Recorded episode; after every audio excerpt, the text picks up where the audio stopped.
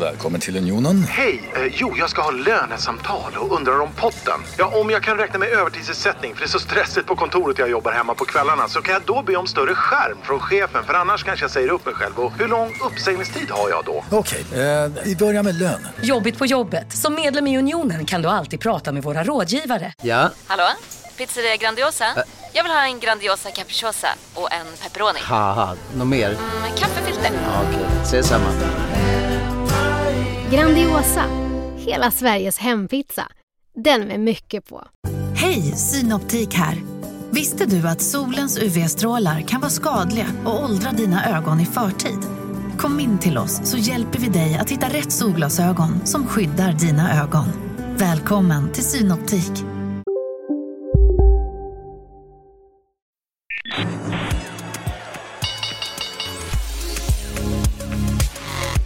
Här är Affärsvärlden med Helene Rådstein. Hej och hjärtligt välkomna till podden Affärsvärlden där vi varje torsdag fördjupar oss i affärsvärldens journalistik. Jag heter Helene Rådstein och med mig idag finns Erik Wallin, chefredaktör för Affärsvärlden. Välkommen hit. Tack. Du, eh, det är Almedalsveckan Ja, och eh, när man tittar på vilket ord som är på flest seminarium så är det helt klart hållbarhet på olika, liksom, olika fronter eller vad man ska säga. Men nu så ska vi lyssna på en som heter Mattias Goldman som är eh, vd på Fores, tankesmedjan. Och jag frågade honom om han tyckte att näringslivet, om det pågår en slags greenwashing. Tycker du att det pågår en slags greenwashing med det här ordet hållbarhet om vi tittar från vår horisont när vi blickar ut över hela näringslivet? Vad säger du? ja alltså det, det är svårt att svara verkligen ja eller nej på det. För att jag är definitivt till stora, inte till stora delar, men till delar Eh, så, så gör det det. Och eh, det, har, det finns ju ett skäl till att det är så stort i Almedalen. Det är därför att det här är ju en konsultfest till stor del. Alltså det finns ju hur många konsultbyråer som mår fantastiskt genom att de kan debitera eh, stora företag genom att hjälpa dem med eh, hållbarhet på olika sätt. Men eh, jag tror att man ska vara riktigt eh, krass. Eh, eh så kan man säga så att orsaken till att det är stort i Almedalen är att det är fortfarande så att det finns en stor komponent av marknadsföring i hållbarhet. Det vill säga så att det handlar inte så mycket om vad man gör, eller vad man gör är någonting annat. Jag tror att man också eh, förändras och blir mer grön och klimatneutral på olika vis. I, i, även i stora industriföretag. Men, men det handlar, det finns en annan komponent i det som är eh, minst lika viktig. Det är att, att få det att framstå som att man är väldigt grön. Och de där sakerna är inte nödvändigtvis ihopkopplade. Och där är Almedalen en väldigt viktig scen att man eh, som företag och organisation eh, då eh, kan måla upp sig själv som ett, ett, ett grönt och skönt och framtidsinriktat eh, bolag eller organisation. Och därmed så får du en jädra massa seminarier om det. Men att, att därmed påstå att det bara är liksom fluff är att ta i. För att det finns ju också en enorm förändring i näringslivet som är att man faktiskt blir mer eh, miljöanpassad och, klimatanpassad. Men det finns också en enorm snömosmaskin. Vilket år är det för dig då i Almedalen? Jag tror, alltså jag har slutat räkna men det är nog minst tionde men kanske tolfte eller något sånt där. Och eh, vi på Affärsvärlden vi har ju är det sammanlagt kanske 12 seminarium som vi anordnar tillsammans med Den Deloitte. magiska siffran, 12. Ja, exakt. Och, ehm, men det som man kan säga liksom, som är väl ganska symptomatiskt för våra seminarier det är väl att det är väldigt tunga folk i panelerna. Och att det är ju ganska ofluffiga ämnen ändå. Eller vad säger du? Ja, men precis. Och det speglar väl någonstans både Affärsvärlden och Deloitte vad vi står för. Att vi eh, försöker vara en, någon som inte eh, nödvändigtvis hänger på de senaste trenderna utan står för någon slags mer solid bakåtlutad. eh. Titta först vart saker faktiskt vad saker är och inte vad de borde vara. Eh, och det är en ganska ovanlig, framförallt för journalistiska organisationer att göra det. Utan de tenderar ju att vara ganska normativa istället för att vara vi som är mycket mer eh, speglande kanske över hur världen ser ut. Inte hur den borde se ut. Om vi ser här nu liksom tendensen. Eh, nu är ju Almedalen inte helt slut ännu men om du blickar tillbaka och ser liksom tendensen eh, och trenden hur veckan har bytt skepnad. Vad skulle du säga? Vad är den stora skillnaden? Om man tittar så är det, det är väl egentligen eh, eh tre stora förändringar ska jag säga. Den ena är att eh, det har, för, vilket är inte minst viktigt för oss på affärsvärlden, det är att det har bytt väldigt mycket fokus från att vara en renodlad politisk mässa till att det som det är idag då är en nästan i huvudsak en näringslivsmässa. Alltså det finns ju definitivt massor med politik och då partiledartalen och du har alla ungdomsorganisationer och sånt. Men det är minst lika viktig scen för näringslivet som möter samhället. Eh, den andra stora förändringen är att den har blivit så mycket större. Men den tredje, och det tror jag att eh, framtiden får utvisa, och jag tror att framförallt nästa valår kommer att bli väldigt viktigt för Almedalen att bevisa sig. Därför att man nu börjar man känna att det börjar mattas av också som det politiska intresset. Tidigare kan man säga att det har varit så att näringslivet har växt väldigt mycket, men inte på bekostnad av politiken, utan den politiska scenen i Almedalen har också växt väldigt mycket. Och vad ska man säga, organisationssverige och alla de olika små Almedalen som finns där. Men Eh, det, det, det, det, kan vara så att det liksom börjar tappa lite momentum på den politiska delen och då kommer nog allting annat att tappa lite momentum. Jag tror inte Almedalen kommer försvinna men det kommer kanske inte vara det här ständ, öka mest ständigt och jämnt. Liksom en rak pil uppåt. Och det kan till och med minska lite grann. Och eh, det här med att Stefan Löfven inte kommer och sånt där. Det, det var väl kul ett år men två år och tre år och fyra. Liksom, då, då, blir det, då, blir, då deflaterar det trovärdigheten i i Almedalen. Ja, samtidigt, jag läste en krönika av han som driver Dagens Opinion, Rolf van der Brink. Mm. Som, där han jämförde Järvaveckan med Almedalsveckan. Mm. Och han, han tyckte att Järvaveckan den är mycket mer toppstyrd. För det första är det liksom ett PR-event. För det andra så är det liksom företag som raggar massa folk. Och det är liksom verkligen uppifrån och ner. Och ja. visserligen kommer politiker dit men det diskuteras ganska lite politik där runt omkring. Och där tyckte han att Almedalen, även vad man än säger är mycket mer utav en politikervecka liksom, som är mer renodlad och faktiskt mer gräsrotsbetonad. Nej men det är så, Järvaveckan har jag aldrig varit på men jag, det finns ju en skillnad och det är att eh, Järvaveckan ligger ju liksom ett stenkast liksom utanför Stockholms centrum. Ja. Och det är ganska lätt att ta sig dit, det kostar inte fort. Men Almedalen har ju en, är ju på många sätt mycket mer demokratisk. Folk går runt på gatan, man kan träffa, allting är gratis, det är bara att gå dit. Och ja, det är kaos. Liksom. nära också ja, mellan allt. Ja. ja, och nära mellan allt och sådär. Men det finns ju en ganska, det är en ganska hög insats att ta sig dit det är liksom bara att åka till Gotland är en sak liksom, som är lite bökigt. Men dessutom är ju allting så här, tio, gånger, tio gånger så dyrt som det är vanligt. Kanske inte båten men liksom, ska du flyga och bo på hotell eller liksom, allt du ska göra är så fruktansvärt dyrt. Så det är inte, så här, det är inte för vem som helst att åka till Almedalen. Vi ska lyssna nu på Mattias Goldman som är vd på Fores och vi ska prata lite om hållbarhet. Han tycker att näringslivet är mycket bättre på de här frågorna än vad politikerna är. Marknaden sponsras av SPP, pensionsbolaget. Eh, förra gången pratade vi lite om ITP. Och som en kort repetition så, så var det ju 70-tal, arbetsmarknadens parter bestämde att alla tjänstemän ska ha en tjänstepension. Man kom överens om vilka villkor som ska gälla i den här pensionen och så kallade man den för ITP. Så jobbar man idag som tjänsteman i ett företag med kollektivavtal, då har man förmodligen den här pensionen, ITP-pensionen.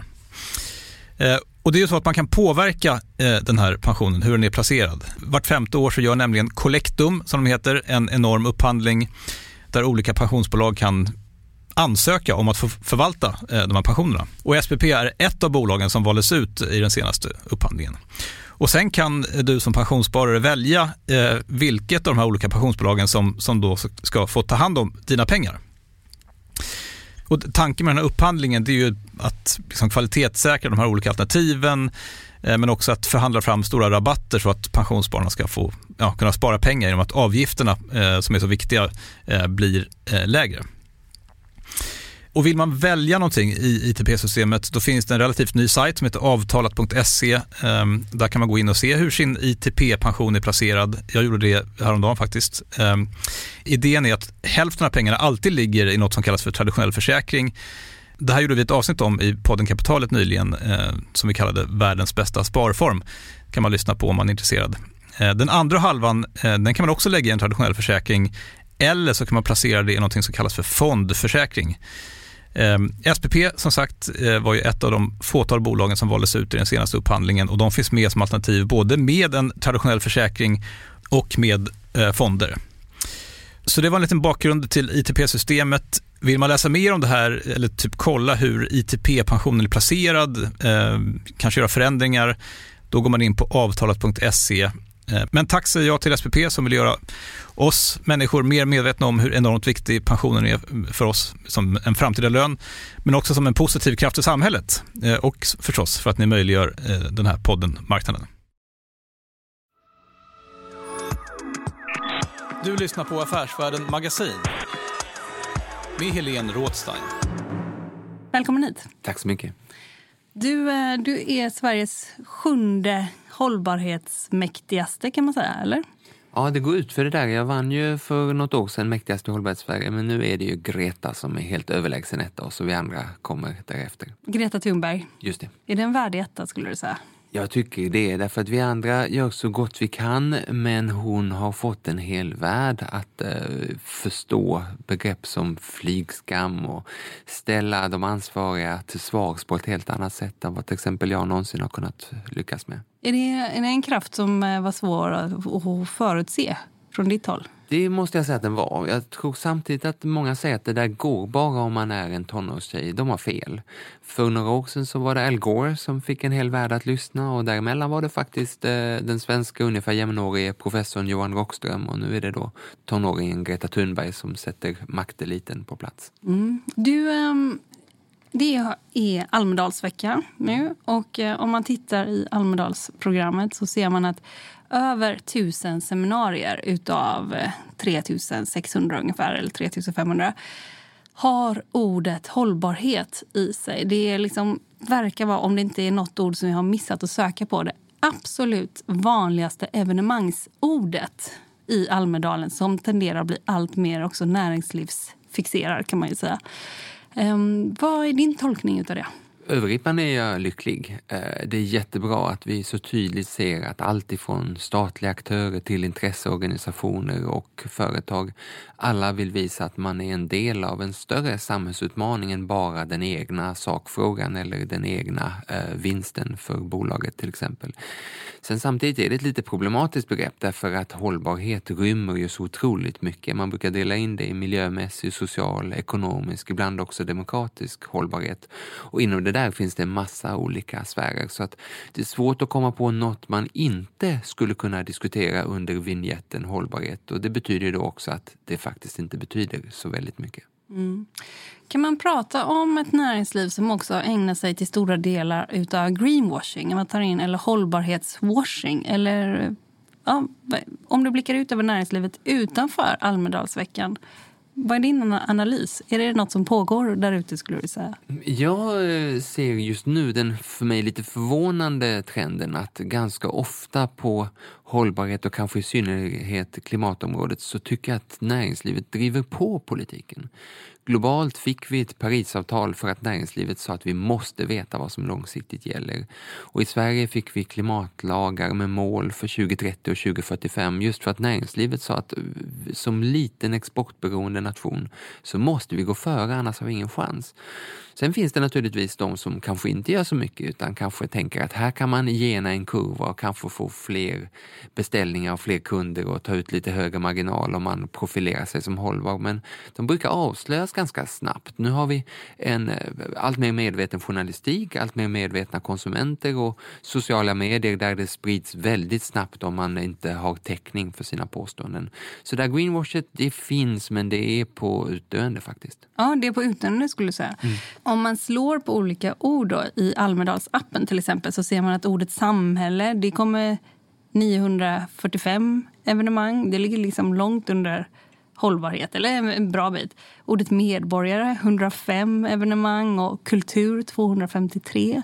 Det är inte så jättehett i Almedalen. Ja. Alltså dels visar det ju just det där att hållbarhet täcker så otroligt mycket. Så nästan vad man än tänker man ska prata om på Almedalen så kan man rubricera det som hållbarhet och vet att det ger en positiv klang. Vem ska vara emot att man pratar hållbarhet? Mm.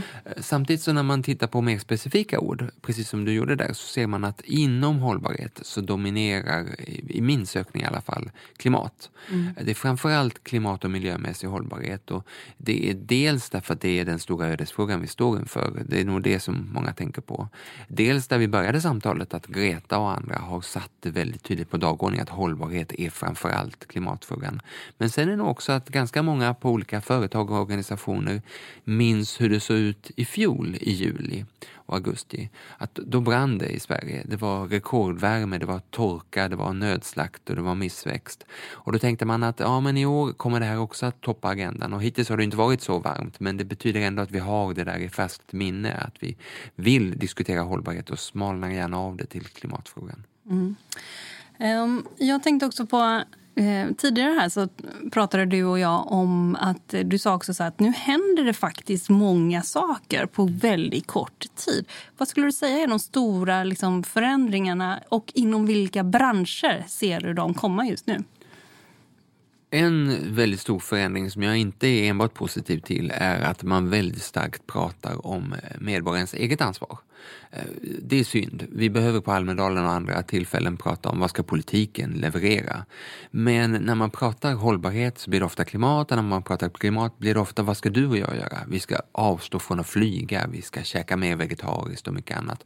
Och allt det där är fint och viktigt men vi kommer inte ens i närheten av de klimat och hållbarhetsmål vi har satt om vi inte får tydliga politiska spelregler. Så det är det jag hoppas att när vi summerar Almedalsveckan så småningom att vi ser att vi lyfter blicken till politikens ansvar. För det har jag faktiskt saknat ett tag nu. Du lyssnar på Affärsvärlden med Helene Rådstein. Du har också själv politisk bakgrund från Miljöpartiet och nu är det på Fores som är till hälften ungefär finansierad av Centerpartiet men också av flera andra aktörer, till exempel de fyra största energibolagen. Och här får du hjälpa mig lite. Vad är det? det är Vattenfall, Fortum, E.ON och Skelleftekraft. Och sen många till. Vi har ett 80-tal större finansiärer. Ja, sånt. Ja. Ehm, sedan du lämnade politiken 2002, vad tycker du har hänt på klimatområdet då? Ehm, har det hänt särskilt mycket? Eller vad, om du säger politiken måste vara med och förändra, det ska inte vara så egocentrerat eh, debatten som den är nu, om jag förstår det rätt. Vad, vad efterlyser du för någonting? Jag tycker tre stora saker har hänt de senaste åren när man tittar på klimat. Man behöver inte backa tillbaka till 2002 utan det räcker att jämföra med några år. För det första så har inget parti ensamrätt på klimatfrågan på samma sätt som Miljöpartiet hade då. Och det är i grunden bra för klimatfrågan. Frågan tjänar på när fler partier tycker att här har vi röster att vinna. För det andra, det vi redan varit inne lite grann på, så är det ganska starkt näringslivsdrivet därför att det finns vinster att hämta nu på att vara bra på klimat. Och det är en jätteskillnad jämfört med för bara några år sedan när man sa att eh, vi måste minska på tillväxten för att rädda klimatet. Nu säger man tvärtom, ska vi ha kvar tillväxten. There's no business on a dead planet. Så måste vi fixa klimatet.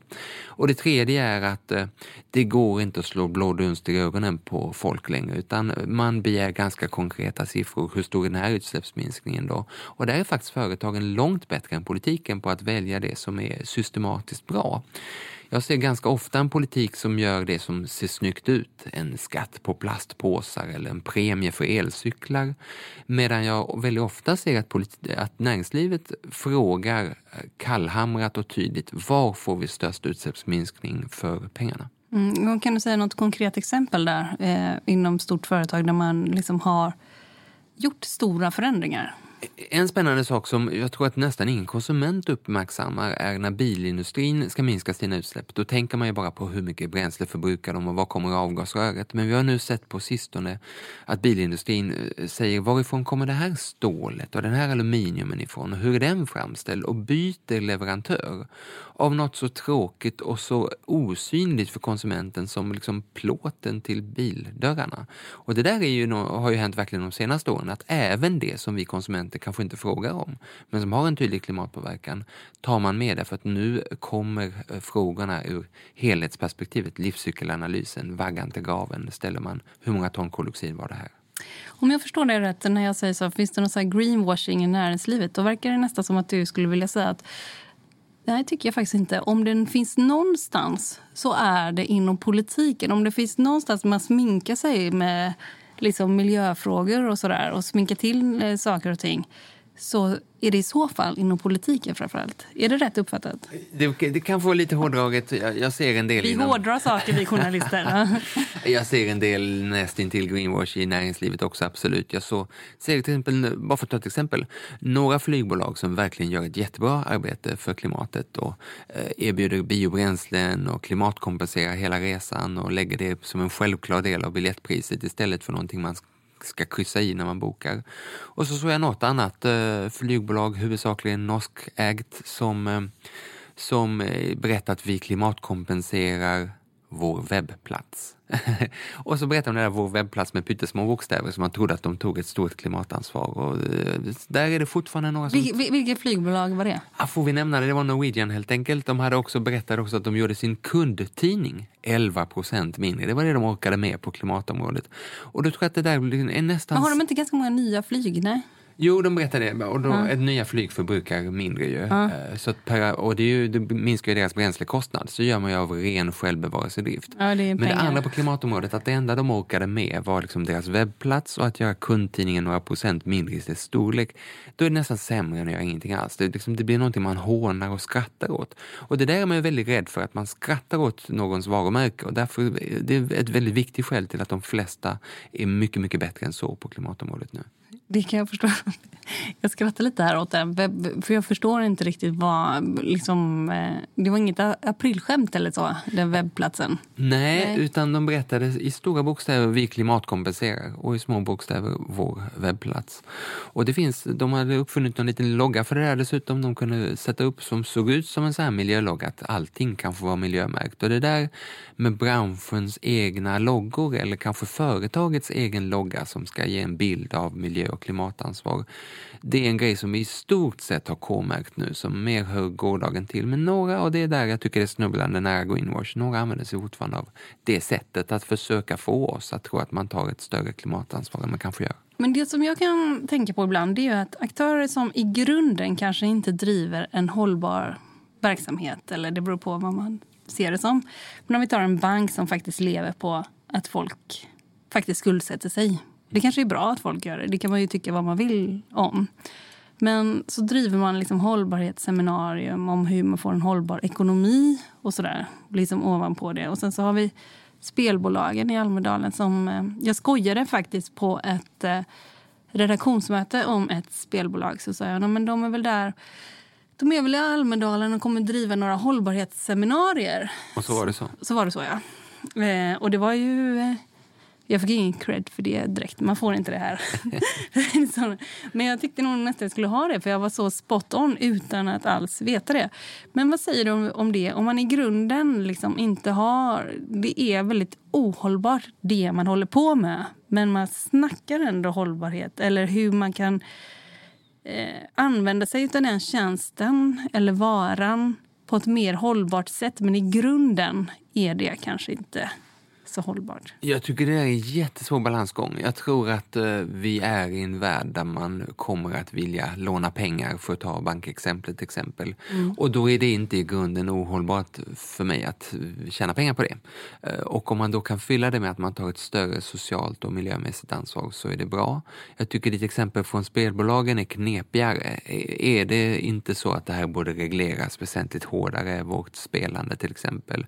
Och kan det vara så? Men det kanske också är för att stanna. Ja det, ja, det är det säkert. Va? Men kan det vara så att spelbolagen använder sig av hållbarhet för att visa upp vi är goda samhällsmedborgare, ni behöver inte reglera oss hårdare.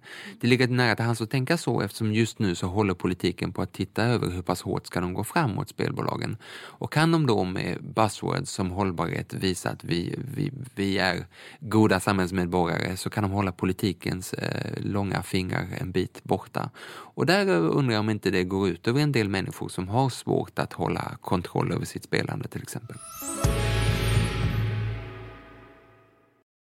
Eh, marknaden sponsras av Karla. Eh, vi pratar ju en hel del om bilar här- på kontoret. Eh, Karla har ju skapat, skulle jag säga, det som är standarden för hur man idag köper och säljer bilar på nätet.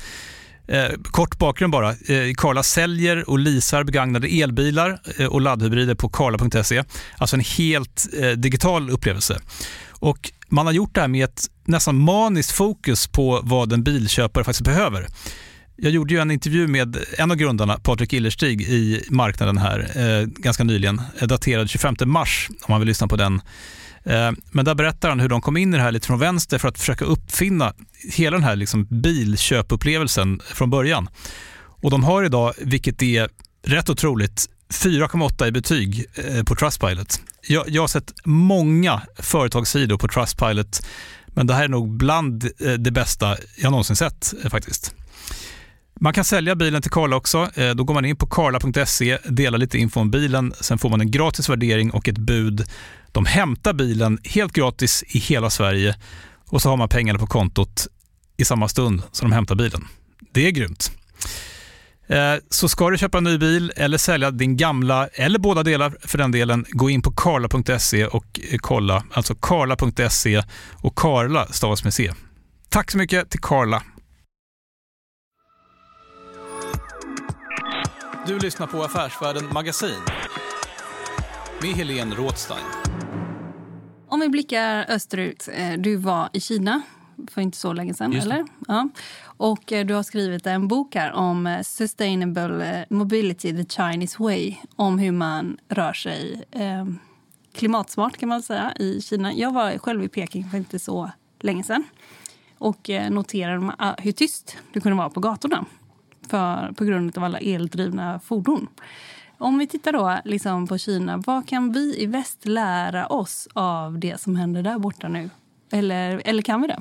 Det var häftigt faktiskt. Den där boken, jag skrev stora delar av den utan att faktiskt alls vara i Kina den gången. Jag har varit där några gånger förut och det gjorde att den här gången så kunde jag göra allting från skrivbordet hemma. Ofta klarar man det numera att man behöver inte resa.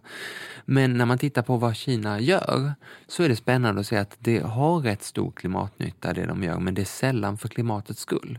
Det är för att luftkvaliteten är så väldigt, väldigt dålig i deras stora städer. Eller om man ska vara mer cynisk så är det för att eh, människor får så mycket sämre hälsa av den dåliga luften. Mm. Så att de är hemma sjuka för många dagar eller så att det blir svårare att få OS-tävlingarna till Kina nästa gång. Mm. Eller så att liksom, duktiga kineser mitt i karriären väljer att jobba utomlands så fort de bara någonsin kan. På grund du, av luften, På grund av luften, ja. Och du och jag skulle tveka både en och tre gånger att tacka ja till ett jobb i Kina av samma skäl. Mm. Och det där är häftigt att då blir det inte den globala klimatfrågan utan då blir det den lokala miljöfrågan eller den lokala konkurrenskraften och då går det väldigt mycket snabbare i omställningen. Och det kan vi lära oss av vi som, inte minst jag själv då, som under många år eh, får vara lite självkritisk här och säga att så jäkla bra har det inte gått i klimatfrågan trots allt. Va? Och det är nog för att vi har pratat om det som en global fråga och ansvaret för framtida generationer och kanske ansvaret för isbjörnar och en massa annat. Men när vi kokar ner det till att det handlar om din och min livskvalitet här och nu, och det är det kineserna gör, då eh, flyttar frågan mycket närmare och blir mycket rimligare för medborgarna att vi tar tuffa tag för att minska utsläppen. Om vi tittar då på de stora utsläpparna i, inom svensk industri. Vad har vi då? Det är cement, va?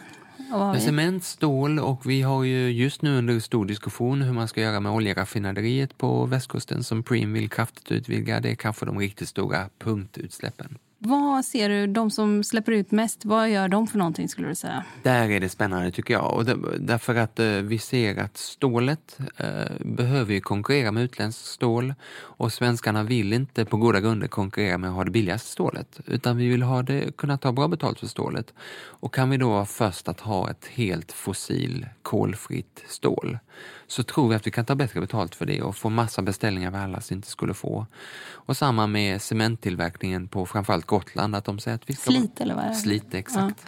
Att vi ska vara de första att ha en cement som är helt klimatsmart och ser att det där kommer göra att själva cementen kostar ganska mycket mer förmodligen, i alla fall i närtid. Men cementens del av totalkostnaden för Eh, en byggnad till exempel eh, är ganska liten så att det, det handlar om mindre än en procent merkostnad på slutprodukten och stora möjligheter för Sverige att gå före i omställningen. Preem tycker jag också är väldigt knepig att diskutera därför att ett stort raffinaderi för både olja och biobränslen blir per definition stora utsläpp. Men de utsläppen blir förmodligen mindre om vi gör dem i Sverige med modern teknik och ett av världens mest moderna raffinaderier och tuff miljölagstiftning och duktiga miljöorganisationer som sätter press. Än om man gör det i ett annat land med, med liksom i alla led sämre på de här olika parametrarna. Så då är det frågan, är vi kvar i det gamla nationella? Att det är viktigt att vi minskar utsläppen just här, just i vårt land? Eller är det viktigare att man minskar de globala utsläppen av en globalt påverkande klimatgas? Och det där är inte alls självklart därför att Sverige har sagt att, att vi ska vara ett föregångsland. Och det är så vi kan göra skillnad. Eh, vi står bara för 0,15 procent av världens samlade klimatpåverkan. Så vår enda möjlighet att vara relevanta är att vara så bra så att andra vänder sig till oss. Blir man då väldigt bra genom att säga nej till väldigt mycket eller blir man väldigt bra genom att säga att här görs det bättre än på något annat håll? Det är precis den frågan politiken och vi alla måste diskutera. Vad, vad, vad tycker du om Preem-raffinaderiet på västkusten? Men jag tycker just att det är svårt och det som är roligt med att vara eh, tankesmedja istället för att vara politiker för något enskilt parti, att man kan tillåta sig att tycka både och. Det är klart att det skulle vara en fantastisk signal, till omvärlden om vi sa att nej, nu är det färdigraffinerat av fossil olja i Sverige. Det skulle betyda att vi var först ut där. Men det skulle också vara en fantastisk signal att säga att här tar vi fram de fossila drivmedel världen faktiskt fortfarande använder med en avsevärt lägre klimatpåverkan än vad som görs någon annanstans i världen. Så jag är inte färdigresonerad där och förstår inte de som väldigt svartvitt säger förbjud, stoppa eller som säger det bara köra på därför att det är komplext. Det är snart bara ett år kvar till det amerikanskt eh, presidentval igen. 6 november, va? Ja. ja. Och eh, om vi var lite österut, om vi då tittar västerut eh, så man har ju pratat om också att man skulle öppna en del gruvor igen och sådär. Liksom om man tittar på den hållbara aspekten eller klimatfrågan i USA, vad tänker du? Jag tycker när vi nu har haft Trump i lite drygt två år så vet vi att han har gjort vad han överhuvudtaget kunnat för att gynna det fossila och kanske framförallt kolet. Mm. Under de två åren som Trump har regerat så har det stängts oerhört många kolgruvor i USA. Det har satts upp fler solpaneler på taken någonsin förut och öppnats fler vindkraftparker än vad det någonsin funnits förut. Och hade det där hänt under Obama eller en Hillary Clinton, då hade vi bara viftat bort det och sagt att det är klart för det var en massa subventioner för det förnybara. Men nu har det skett under en president som gynnar det fossila och ändå klarar det fossila inte sig. Och det är en signal som hela världen tar till sig att nu vinner det förnybara av egen kraft. Och det ska vi nog faktiskt, hur konstigt det än låter, vara Trump tacksamma för. Men det räcker med en mandatperiod tycker jag. Nu har vi lärt oss det. Mattias Kollman, vd på Fores. Tack så mycket för att du kom till podden Affärsvärlden. Tack. Du har lyssnat på en podd från Affärsvärlden. Jag heter Helene Rothstein. Mer fördjupande journalistik om näringslivet finns både på nätet och i Sveriges äldsta och faktiskt bästa affärsmagasin. Du hittar oss enklast på affärsvärlden.se och podden, den är tillbaka om en vecka. Håll ut!